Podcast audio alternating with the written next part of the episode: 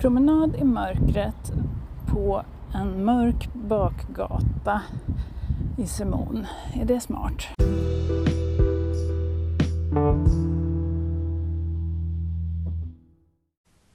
Dags att låta den här podden göra skäl för sitt namn, Lotta på luffen. Jag heter Lotta Holmström och från och med nu reser jag ensam. Först ut i Belgrad, Serbiens huvudstad. Jag kramade man och son hej då och begav mig till tågstationen i Podgorica. Förväntansfull och lite nervös. Det är så mycket man inte vet och så mycket som kan gå fel. Men jag har gjort rätt mycket research, så lite koll har jag. Och det jag får reda på under resans gång, det kommer jag delge dig som lyssnar och kanske planerar din egen tågluff. Det här är både en personlig reseberättelse och förhoppningsvis även matnyttigt för den som kanske inte känner mig men vill veta mer om platserna jag besöker. Men det är ingen reseguide. Jag känner inte att jag har ett uppdrag att vara fullödig. Det blir nedslag utifrån mina intressen och lust på varje plats. Jag passade på att köpa tågbiljetten till Belgrad på stationen i Podgorica redan när vi först anlände för en dryg vecka sedan. Skönt att ha det fixat. För det inser jag mer och mer, att ju mer jag styr upp och har ordnat, desto bättre kan jag slappna av och vara i nuet. Tåget är lite sent och vi är ett rätt stort gäng som står eller sitter i skuggan vid stationshuset och väntar och inte på plattform 3 där tåget ska gå. Det går inte så många tåg från Podgorica och vi kommer att se det i god tid. Ja, det var verkligen tryckande varmt i Podgorica min man Kalle fick antagligen ett lättare värmeslag den sista dagen. Han var helt förvirrad ett tag. I Belgrad är det däremot utlovat 19 grader och regn och det ser jag faktiskt fram emot.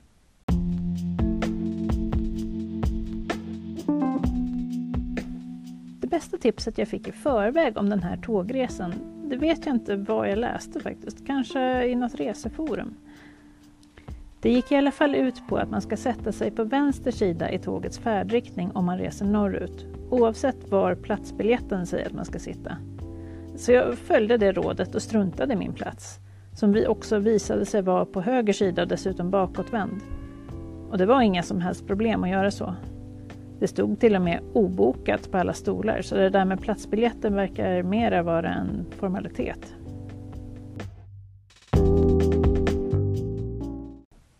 Resan till Belgrad ska ta tio timmar. Men eftersom tåget anlände lite försenat funderade jag på när jag skulle komma fram. Det finns ingenting att handla ombord så det gäller att ha ordentligt med matsäck med sig. På den sista stationen i Montenegro kom det på en man med en stor väska med vatten, öl och läsk. Men det finns förstås inget som säger att han alltid gör det, så ta med rikligt med dricka. Jag börjar närma mig Belgrad efter nästan tio timmars tågresa från Podgorica. Eh, det har varit ganska varmt i tåget men annars eh, behaglig resa. Tåget är ungefär som ett svenskt eh, regionaltåg. Det finns ingen restaurangvagn. Men det finns toalett i alla fall så det var ju bra. Och jag hade försett mig med gott om både vatten och snacks för resan. Så att ingen nöd på mig. I början på resan så åkte jag i princip samma väg som vi först åkte upp med bil i bergen. Så att eh, motorvägen löpte parallellt med eh, tågspåren kan man säga. Och även så floden Tara. Så att jag fick se samma vyer fast från ett lite annat håll. Ibland så tittade man ner på motorvägen från högt upp i berget där tågrälsen var dragen. Fina vyer. Så småningom så vek tåget av där jag inte hade varit. Eh, och det är också så att även om den här resan går från eh, Montenegro till Serbien så kommer man faktiskt in en liten bit i Bosnien också. Men det är ingenting de säger någonting om eftersom det inte finns någon station där. Så att man åker in en bit i Bosnien-Hercegovina och sen ut igen helt enkelt. Och det var två stycken eh, passkontroller på vägen. Först sista stationen på Montenegros sida och sen första på den serbiska sidan. Montenegro-kontrollanten slängde bara en väldigt hastig blick på mitt pass. Men det är klart att det är mer kontroll när man reser in i ett land.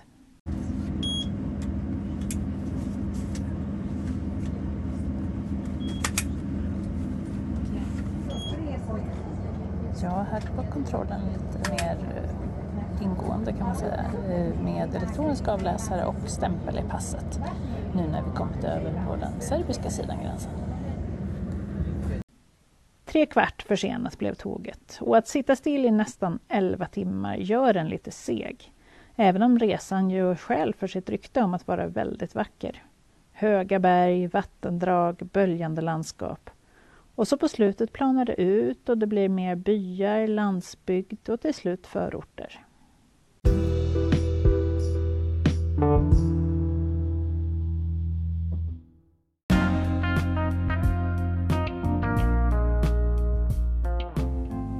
Nu är jag alltså framme i Belgrad, så dags för några snabba fakta om staden och landet. Belgrad är Serbiens huvudstad. Namnet betyder den vita staden. Här bor 1,68 miljoner människor och i hela landet 6,6 miljoner. Eller 8,4 miljoner om man räknar in Kosovo, vilket serberna gärna gör. Men Kosovo deklarerade sin självständighet ensidigt 2008 och har sedan dess erkänts av 101 länder. Serbien blev självständigt 2006 efter att sedan 1992 varit en del av Serbien och Montenegro.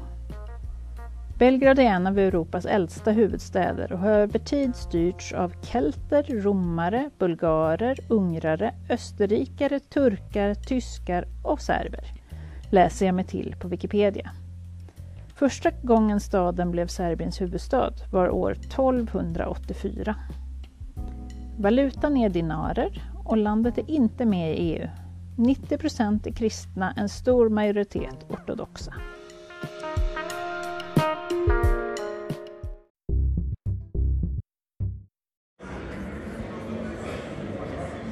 Framme i Belgrad och på vandrarhemmet jag ska bo i.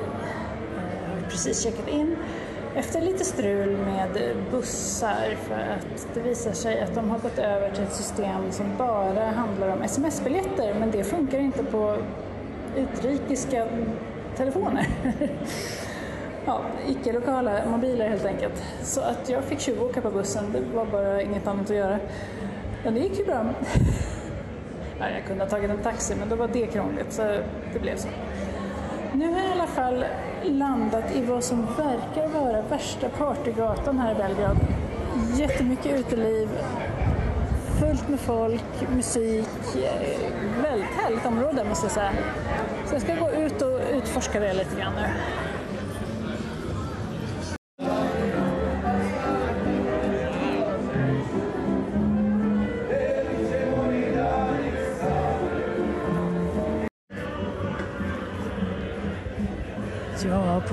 På gott som varenda restaurang här på gatan Skadarska, som är en gågata, eh, så är det levande musik, eh, band som går runt bland borden och spelar.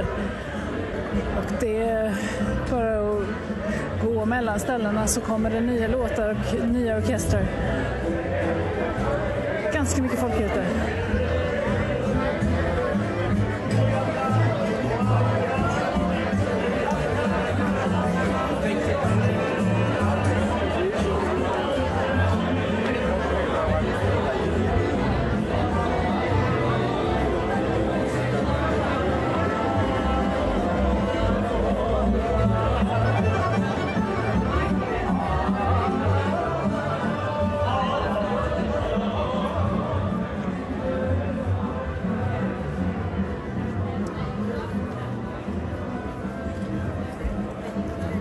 Så har jag ätit bland de största pizzaslicer jag någonsin har käkat och den var fantastiskt god, eh, någon slags vegetariana. Eh, så nu är jag mätt och belåten, jag ska bara hitta lite vatten så ska jag ta och gå in mig på vandrarhemmet här ganska snart.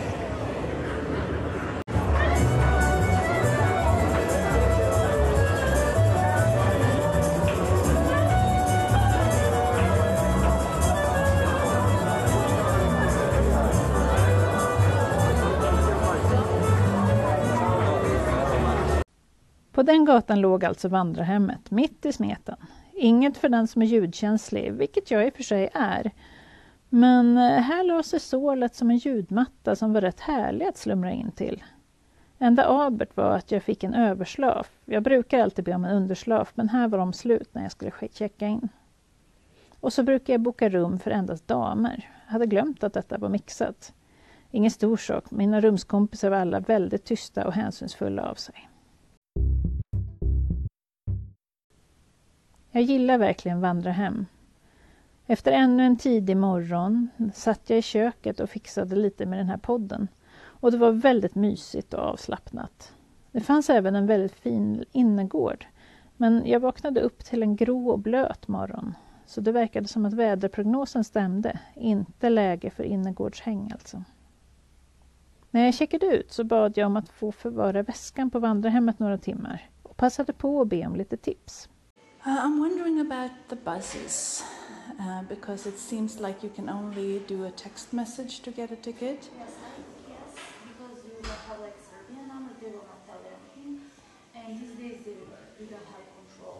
Really? Yeah, So I can just go? yeah, yeah. You can like pay because you. Den där inspelningen blev inget vidare, så jag bryter där. Vad hon sa var i alla fall att det finns inte några sätt för utlänningar att betala för buss och spårvagn.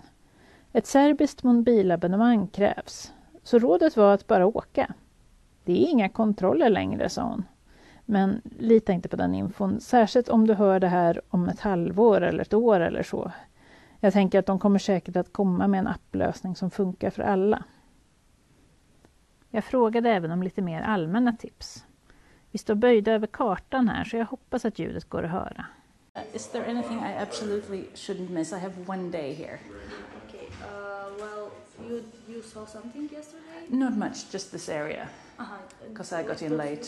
Uh-huh. Okay. Did you saw like this area? No. No. Okay. You should go there. Like that's like big like park, and you have like that old castle or something like that. Yeah.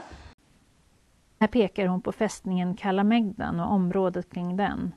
Och gågatan hon nämner strax, det är den som leder ner från den stora parken vid fästningen. Also, like this street is like really famous. Yeah? Like Is, is it the, the walking pedestrian? area. Everything is walk, walking area. Yes, yes. Maybe if you have time, like this this temple. Yeah? Is that the blue one? I saw it was a Yes. beautiful picture Yeah, of a blue yeah, Yes. Temple. Oh, okay. Yeah.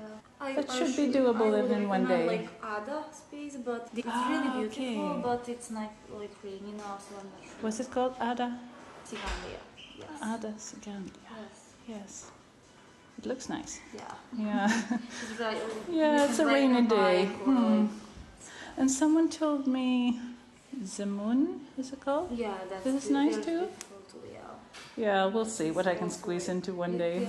Tower also, and like it's like similar to this this area, but like smaller.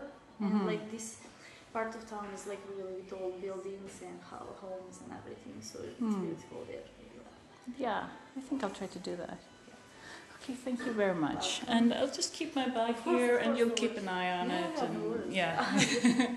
Wonderful, thank you. Well. Jag började med att hoppa på spårvagn nummer två, som är en ringlinje, för att få ett första intryck av stan. Nu har jag tagit spårvagn 2 och åkt en eh, slinga här runt om i Belgrad. Bland annat så åkte jag förbi Nikola Tesla-museet som jag funderar på att titta förbi om jag hinner. Och eh, hoppade av i närheten av parken som omger Belgrads fästning. Och där hittade jag en liten trappa som ledde upp har gått en massa trappsteg upp för kullen. Här finns mängder med olika promenadvägar runt och ganska mycket att se och utforska. Det finns ett zoo, själva fästningen, en känd kyrka och eh, vad jag förstår en ganska trevlig bar som jag tänkte se om den är öppen. Boho Bar här uppe. Eh, väldigt lummigt är det också. Fin natur och på den här stigen där jag går så är jag alldeles ensam. Kanske på grund av vädret, det är inte så många andra som vill ut när det är lite småkyligt. Men det regnar inte just nu i alla fall. Och kanske 18 grader och efter de här heta 32-gradiga dagarna nere vid eh, Montenegros kust så är det här faktiskt rätt skönt måste jag säga.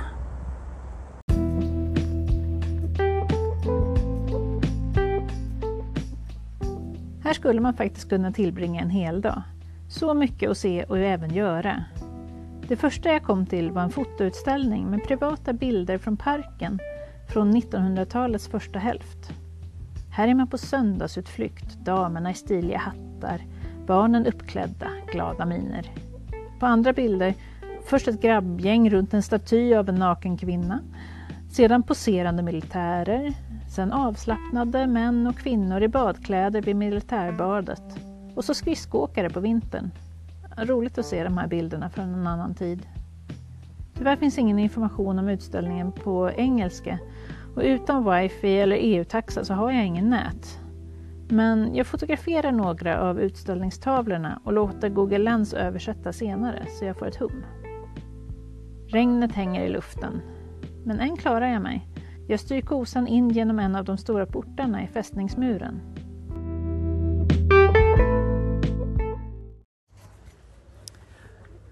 Nu kommer jag fram till Belgrads militärmuseum som har funnits i över hundra år. Och utanför här så står det en mängd olika sorters krigsutrustning. Allt från pansarvagnar till, eh, ja, jag vet inte vad. Jag är ingen bra på militära grejer. Men de har i alla fall en utställning där inne om eh, medeltida tortyrredskap. Jag ska se om den verkar vara någonting att kolla in. Det var verkligen en hemsk uppvisning av mänsklighetens grymhet. Den här utställningen om tortyrredskap genom tiderna. Många från Österrike och Tyskland noterar jag. Men ja, även från andra platser. Alla tänkbara sätt som man kan plåga människor för att få dem att bekänna eller till och med ta livet av dem. Mycket välgjord utställning ändå och intressant att se men det var ju inte särskilt upplyftande och allt var inte bättre för även om mänskligheten verkar hitta nya sätt att visa sina allra mörkaste sidor även i dessa dagar.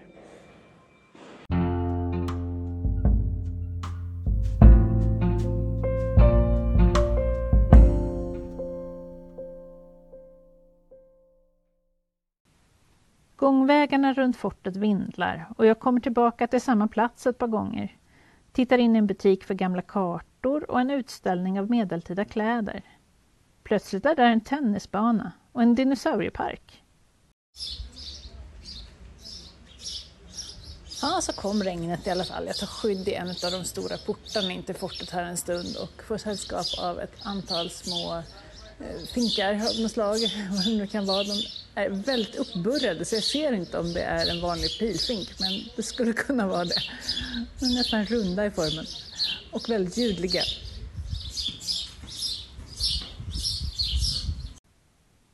Jag ser ett hängande träd av en sort jag inte sett förut.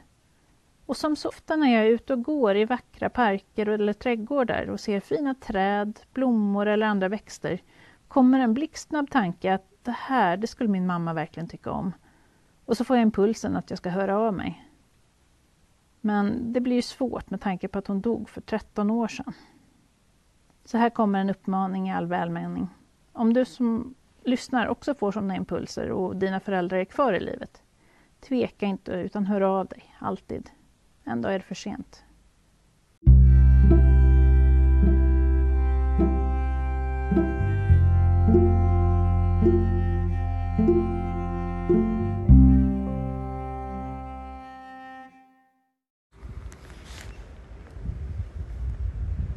I Belgrad verkar det som att lite lätt duggregn, då stänger man olika verksamheter. Hemma hade vi kört på liksom. Men jag ska käka lunch på Boho Bar som var en väldigt cool bohemisk eh, liten ja, restaurang och bar. Stort partyställe på kvällarna också uppe i eh, fortet här. Men det var tyvärr stängt. De höll på att förbereda sig för kvällens party sa mannen i baren där. Men han visste inte heller om det skulle sluta regna. De har sagt att det ska regna hela dagen, sa han. Så, ja. Så jag promenerar väl ner mot stan istället och tar mig min lunch där. Jag ser precis här, jag går förbi ett eh, litet nöjesfält och det är också, allting står still där så att det stänger tydligen också vid regnväder. Jag tog mig istället till Mama Shelter, ett kombinerat hotell, bar och restaurang som finns i många olika städer, men för mig var det första gången jag besökte dem. De har verkligen jobbat med inredningen för att passa Instagram-generationen som uppmanas ”Come to mama” och det är mysigt. Bordsben som består av böcker, färgglada mattor, olika budskap överallt, även i taket. Och förstås faller jag och tar en selfie med texten Belgrade on my mind i bakgrunden och lägger till texten And soon a cold beer in my belly. Ja, skönt ställe att koppla av en stund. God öl och en fräsch sallad med avokado och ost. Det finns en fin terrass också, men det tillåter inte vädret att jag utforskar.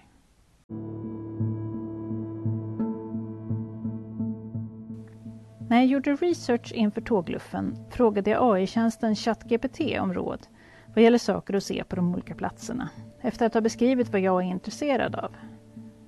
Ett tips jag fick därifrån, som jag kanske hade missat annars, var området Savamala. En kreativ hubb för konstnärer, författare och musiker. Kul byggnader och mycket gatukonst. Så där strosade jag runt lite innan det var dags att hämta väskan och bege sig till nästa boende. Gatukonsten återkommer jag till i nästa avsnitt som handlar om Budapest. Och där kommer den att spela en stor roll. Men det, kan, det jag kan säga om Belgrads gatukonst är att den verkar vara rätt politisk. Jag förstår inte alla budskap, men vissa går inte att missta, särskilt när de är på engelska. Fuck NATO. Ratko Mladic, World Hero. Det är undantagen ändå. De här exemplen var mer åt klotterhållet till, om än intressant att se på sitt sätt. Där finns mycket annat som speglar mer konstnärliga uttryck. Den mest kända muralmålningen heter La Santa de Beograd av den fransk-spanska konstnären Remed. Den tittade jag förstås förbi i Savamala. Remed skriver om målningen på sin sajt, fritt översatt av mig så här. Jag sökte information om Belgrads historia och arkitektur och fick veta att staden förstörts och återuppbyggts 38 gånger genom historien.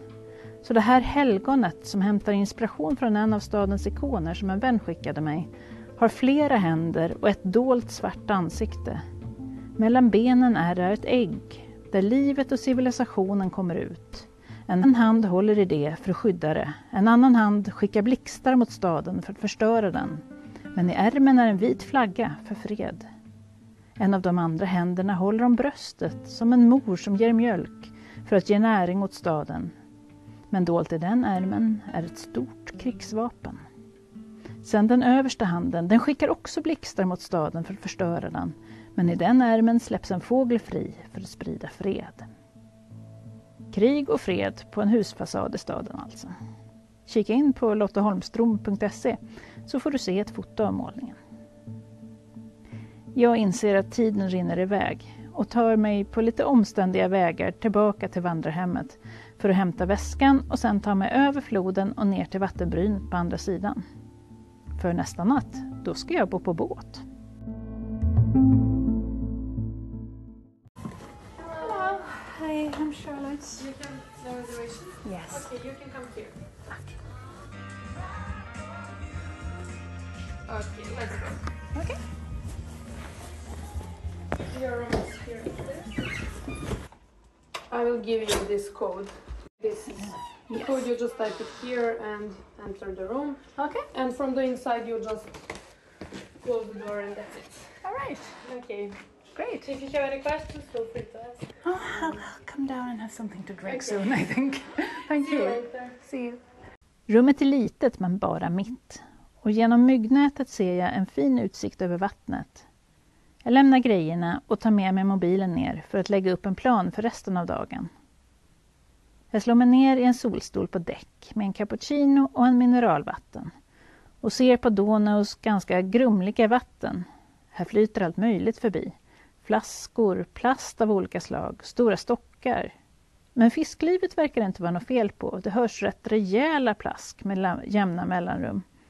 Så jag gissar att fiskarna är av det större slaget. Några nyfikna änder simmar också förbi och kollar in mig. Det är gott om husbåtar och hotellbåtar ut med stranden hela vägen in mot staden. Tjejen i receptionen på förra vandrarhemmet tipsade om fem saker. Kalamegdanfästningen, Check. Gågatan? Check. Det var där som den här Mama Shelter låg. Sankt Savas tempel som är världens största ortodoxa kyrka? Nej, det valde jag bort av tidsskäl. Ön Adasegalja? Nej, och det var på grund av vädret. Också på min fråga så rekommenderade hon Semon. Det gjorde också Lina i en kommentar på Facebook och min research kom fram till samma sak, så dit bär det av. Det ligger längre bort på samma sida floden som Arkabarka, det här, den här båten som är vandrarhem. Cirka 3,7 kilometer bort. Jag bestämmer mig för att ta en buss dit, en bit av vägen, och sen gå ut med vattnet. Bussen svänger av tidigare än Google Maps anger, så jag hoppar av för säkerhets skull. Det blir en lite längre promenad än planerat, men vädret är fint nu och det är intressant att titta på båtar och folk ut med strandpromenaden. Jag kommer fram till övergången till ön Zemunski Cay Donau alltså, det är inte världens mest rena flod. Det flyter förbi både ett och annat eh, här när jag nu är på den väldigt märkliga metallbron över floden ut till en strand. Den ser ut att mer vara en militär anläggning och här går också militärklädda män över bron då och då. Så jag vet inte, det kanske det är. Men jag förstår inte riktigt varför i så fall. Den leder i alla fall till en strand ute på ön på andra sidan. Jag tänkte inte gå över hela vägen och jag är verkligen inte sugen på att bada i det här vattnet. Men eh, det var en fin vy när man kommit halvvägs i alla fall.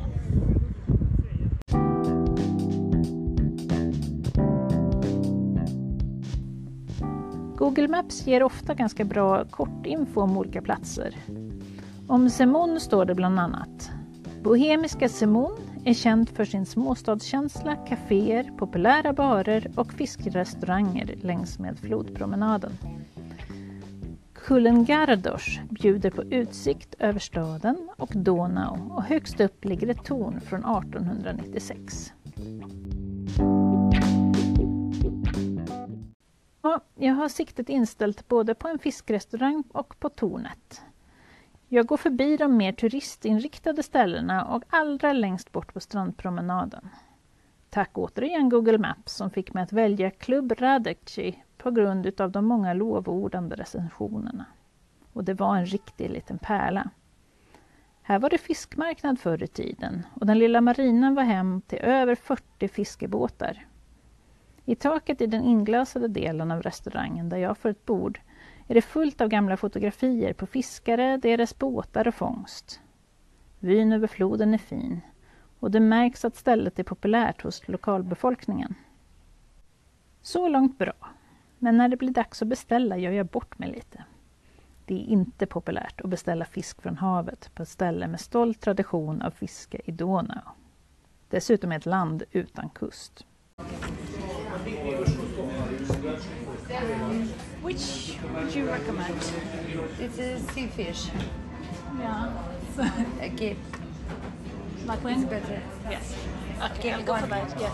Uh, do you have Wi-Fi? The white one, yes. Yes. Do you have password? Kan jag nikra? Det är. Oh boy. Sorry? Uh, let's White see. one? Or Sorry. what you ask Wi-Fi. me? White. I have Uh, let me see. I wrote you. Thank you. Thank you. Nå, fisken var fantastisk, vällagad och smakrik och med tanke på mitt intryck av Donaus vatten var jag faktiskt lika glad att jag beställde fisk från havet. Jag tar de uråldriga trapporna upp från restaurangen upp mot kullen Gardos. På kartan ser det lätt ut att ta sig upp till tornet, men det blir en katt och råtta-lek. Jag skymtar det bakom häckar och murar, men när jag går runt hörnet, där jag tror att det är raka vägen till tornet, kommer bara nya hus i vägen. Till slut hittar jag rätt och belönas med en fin utsikt över Simon och bort till fästningen på andra sidan floden.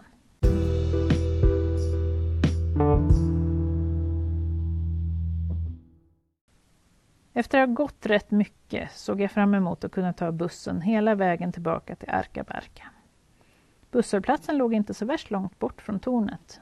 Och väl där får jag sällskap av några andra som väntar. Men de frågar mig något på serbiska efter en stund och när jag svarar på engelska så säger de inget mer. Men så går de därifrån. Andra kommer, väntar en stund och lämnar. Det kommer ett par bussar, men inga med nummer 15 eller 84 som jag väntar på. Jag inser att något inte står rätt till. Bussarna ska gå var tolfte minut, men tiden går. Efter en halvtimme ger jag upp och börjar traska. Efter ett tag kommer jag dessutom till ett vägarbete, så jag tvingas ta en omväg. Okej. Um, promenad i mörkret på en mörk bakgata i Simon. Är det smart? Nej. Men när det inte går en buss och hela huvudgatan är uppgrävd, så vad gör man? Eh, jag stod och väntade på en buss i 20-30 minuter som aldrig kom. Kanske på grund av det här vägarbetet längre fram och att de har lagt om rutten. Men det fanns det ingen information om och ingen av dem som stannade till där verkade veta något om det heller. Så till slut så ledsnade jag och började traska. Och förhoppningsvis kan jag fånga bussen lite längre fram. Men hittills så när jag försöker gå ner till huvudgatan så är det fortfarande bara det där jätte Vägarbetet. Nu ska vi se, nu svänger jag ner mot den igen. Så hoppas vi att den är framkomlig. Det känns i alla fall bättre att gå där det är lite folk och lite ljus och så. Även om det verkligen inte har varit någon fara att gå här. Så ja, lite trygghet i öppna ljusa områden ändå. Åter vid Stora vägen hittar jag nästa busshållplats. Men där står en kvinna som säger att no buses. Jag frågar om de går från nästa station och hon nickar och säger Jugoslavia. Först tror jag att hon menar att ja, det är så här i det forna Jugoslavien. Men det var Hotell Jugoslavia hon syftade på. Och den stationen är inte nästa heller, utan den därefter. När jag väl kommer dit kommer det faktiskt en buss som jag hoppar på och inser att det bara är en station tills jag ska hoppa av. När jag äntligen kommer tillbaka till boendet är jag helt slut. 22 700 steg, säger smartklockan.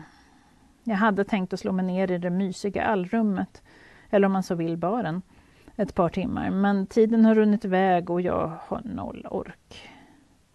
När jag kände att jag bara stod och svajade blev jag lite orolig att jag skulle svimma.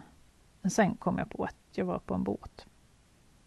Lite medtagen lyckades jag ändå inte somna. Om det var vågorna eller den lite hårda sängen eller någon slags oro för att inte komma iväg i tid på morgonen därpå, det vet jag inte. Klockan ställde jag på 6.30 för att med marginal ta bussen till busstationen där Flixbussbussen till Budapest skulle avgå klockan åtta. Ett lite avslaget slut på en annars väldigt fin vistelse i Belgrad alltså. Och sen bara av till Ungern med buss, vilket skulle ta lite längre tid än jag räknat med. Mer om det i nästa avsnitt.